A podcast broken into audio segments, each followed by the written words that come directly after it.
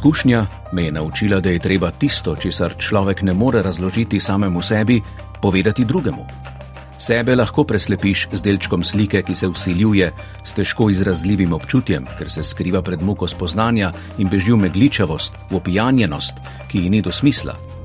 Drugemu je neogibna točna beseda, zato jo tudi iščeš, čutiš, da je nekje v tebi in loviš jo, njo in njeno senco, ugotoviš jo na tujem obrazu, v tujem pogledu, tisti hip, ko začne dojemati. Poslušalec je babica pri težkem porodu besede. Ali pa še nekaj pomembnejšega, če je v tistem drugem želja, da bi razumel. Tako se glasi eden od začetnih odlomkov romana Trdnjava, poznanega bosansko-hercegovskega pisatelja Meša Selimoviča, ki je prvič izšel leta 1970, vendar pa skozen potujemo še precej dlje v preteklost in sicer v Sarajevo 18. stoletja. Čeprav se roman, ki je napisan kot prva osebna pripoved, dogaja v zgodovinsko zelo drugačnem času, pa tokratni bralec, študent angleščine in filozofije Ali Džogič, poudarja, da so teme, ki jih obravnava, nenavadno aktualne. Zakaj sem izbral trdnjavo, je prav iz teh razlogov, ker zdi se mi, da trdnjava je na nek način zelo aktualna za današnji čas. In ko sem razmišljal o tej knjigi, je bistveno bolj aktualna, kot sem mislil.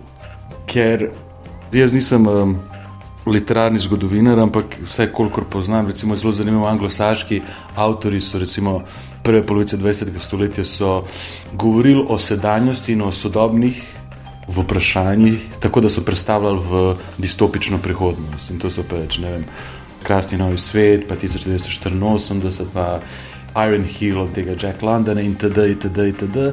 Medtem ko so jugoslovanski, oziroma predvsem pač bosanski, zdaj bom rekel, jugoslovanski avtori, kot so Derviš Sušič, Ivo Andrič, Meša Selmovič, so predstavljali v osmansko preteklost. Ampak v resnici so predvsem čas govorili o, ne samo, da so govorili o sodobnih težavah, ampak so govorili o nekih, nekem človeškem duhu, človeškem stanju in vprašanji, s katerimi se sooča človek od vekoma.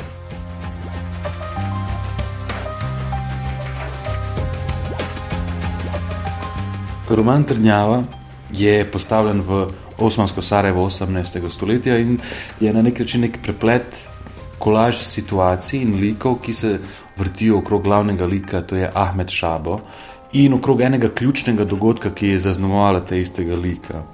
Namreč Ahmed Šabo je vojak, ki se je boril za Osmansko cesarstvo v Rusiji, je prišel nazaj z fronte v Sarajevo z namenom, da si ustvari neko mirno življenje, da si osnuje družino, da začne nek posel.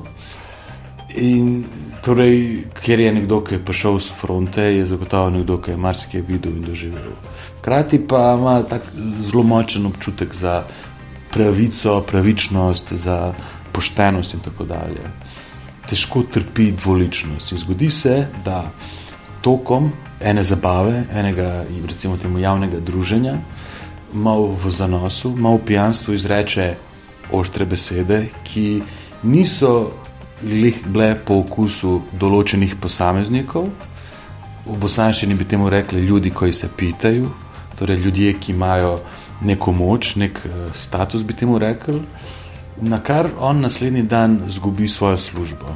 Ko pride v službo, zve, da izgubi službo, ne samo da izgubi službo, ampak da ne more nikjer druge, nobene druge službe dobiti. In ne samo, da ne more nikjer drugje druge službe dobiti, ampak se ga ljudje izogibajo, tisti, ki se ga ne, pa se pretvarjajo, da ni nič.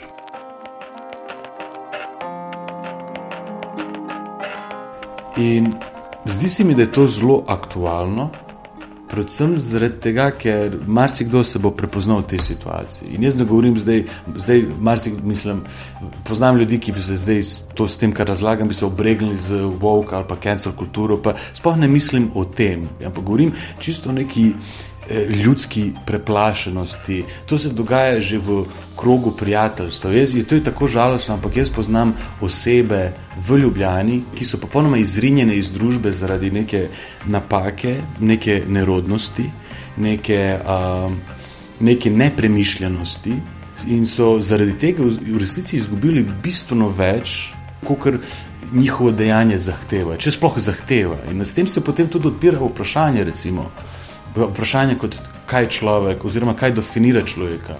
Ali lahko eno dejanje definira človeka, ali se lahko človek spremeni, kaj je dober človek in tako dalje. In tako dalje. In kaj je družba na koncu koncev, med drugim, in kako, kako delujeta oba dva. In zato se tudi imenuje roman Trdnjava. Zato, ker Trdnjava se v tem romanu uporablja kot prispodoba na dveh ravneh. In to je pač na družbeni ravni in na osebni ravni, oziroma na ravni posameznika, ki je upet v družbi. In recimo na tej kolektivni oziroma družbeni ravni trdnjava predstavlja v resnici zapor, kjer oblast in strukture moči zapirajo vse tiste nezaželjene elemente oziroma kjerkoli posameznika, ki si drzne izvati te strukture moči. Ampak po mojem skromnem mnenju je pa bistveno bolj pomembna ta individualna raven. In to so trdnjave, v katere se ljudje sami zapiramo iz strahu pred tem, da bi nas kdo prizadel, da bi se razočarali, da bi bili izvani, jezni.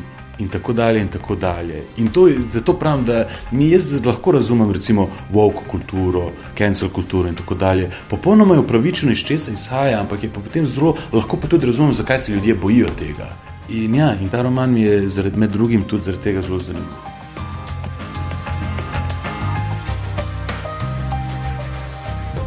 Zdaj, tukaj je nekih situacij v tem romanu, ki mi je žal, da se ne morem posvetiti, ampak zelo se identificiram z glavnim likom Ahmedom Šabom.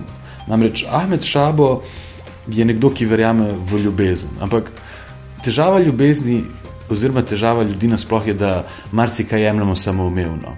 Meni se zdi, da v tem primeru ljubezen ni samoumevna, oziroma to, kako jo on doživlja. Torej, obstajate dve najbolj pomembni osebi v življenju Ahmeda Šabesta, sta njegova žena Tjana in njegov prijatelj Mahmud Neretlija, če se prav spomnim. In kaj to pomeni imeti rad med drugim? Ahmed Šabov se mi zdi, da ima zelo prizemljeno ljubezen, ki uh, je neobremenjeno s pričakovanji. Daleč od tega, vsak človek nekaj pričakuje, ampak je potrebno imeti zdrava pričakovanja. In recimo odnos, ki ga ima svojo ženo, on ima rad svojo ženo, ampak to, da on ima rad, vključuje to, da njegova žena njega jezi, da je ljubosumen, da je tečna, da je šipka in slaba. Ampak to je to, ko ti v resnici kot prvo sprejmeš nekoga takega, kot je, in sprejmeš življenje tako, kot je. To je pač z vsem dobrim in slabim, kar pride. Zato, ker tudi sami nismo, pač bi bili nepravični, da bi obsojali šibkost in slabosti drugih, če smo sami šibki in slabi. Ker Ahmed Šabo se zaveda svoje lastne trme, svoje sla, lastne slabosti in šibkosti in tako dalje. Pa pa je tukaj recimo prijatelj Mahmud Neretlija, ki je en tak, bosanščini bi temu rekli, mutivoda, ki je večkrat izneveril samega Ahmed Šaba, ampak Ahmed Šaba ga sprejema takega, kot je. Ko recimo ta Mahmoud ne rekli z iskreno željo, da mu finančno pomaga, zgubi vse njegov denar, mu Ahmed Šaba oprosti, mu ne zameri tega, ker se zaveda tudi samega lastnega prispevka k temu. Prav v tem smislu pa tokratni bralec Ali Džogič izpostavlja še eno situacijo v romanu Trnjava Meše Selimoviča in sicer trenutek, ko se Ahmed Šaba znajde ob smrtni posteli prijatelja, ki še v zadnjih izdihljajih svojega življenja ne more upustiti misli na maščevanje. In zgodi se, da pač grejo Ahmed Šabo in ta Serdaga na potovanje v Benetke in ga nekdo zastrup. In on že na svoji smrtni posteli kuje maščevanje za to, kar se je zgodilo. In misel, ki jo ima Ahmed Šabo, je, oziroma je zaprepaščen nad tem in prosi tega Serdagu, da oprosti, oziroma da odpusti tem ljudem. In to mi je bilo zelo zanimiv moment. Da se referiramo nazaj na to um, woke in cancel kulturo. Namreč zgodilo se mi je, da sem bral um, na MMC-ju prispevek o tem, kako so dediči Rolda Dala se upravičili za rasizem njihovega dedka. Pa se jim bilo mi je tako, to je, se mi zdi, da problematično iz, iz različnih vidikov, ampak bomo to pustili ob strani. Mi je pa zelo zanimivo v tem smislu, da ni to zanimivo, kako pač, ko beremo časopise, ko sledimo novicam, vidimo to, kako nekdo nekoga obtužuje. Kažejo prste, ali pa ljudje pač se opravičujejo v javnosti. Ampak nikjer pa ne zasledimo novico tega, kdo je komu odpustil kdo je komu oprostil. Zaradi tega, ker meni se zdi, da če, ti, če se ti opravičiš, to pravičilo nima nikakršnega smisla, če ta druga oseba tebe ne odpusti. Predvsem pa pač ta ideja odpuščanja, pa to nima nikakršne veze z to, a bo te osebi. Jaz, če bi odpustil nekomu, jaz ne bi rad, kot, kot prvo, jaz ne bi rad umrl tako, da pač bo zadnji trenutek, preden se pač soočam s smrtjo, je to, kako bom pač se nad nekom maščeval. Rad bi imel svoj mir in zaradi tega tudi odpuščam ljudem, ne zaradi njih. To je njihova težava. Oni imajo odgovornost za svoje dejanja in oni naj se soočajo s tem. Ampak jaz pa odpuščam ljudem zaradi samega sebe, ker res ne želim nositi to breme, bolečine, frustracije in jeze v sebi. In, se, in zaradi tega se mi zdi, da, da trdnjava je zelo aktualna, bo aktualna in da je nujno treba brati literaturo.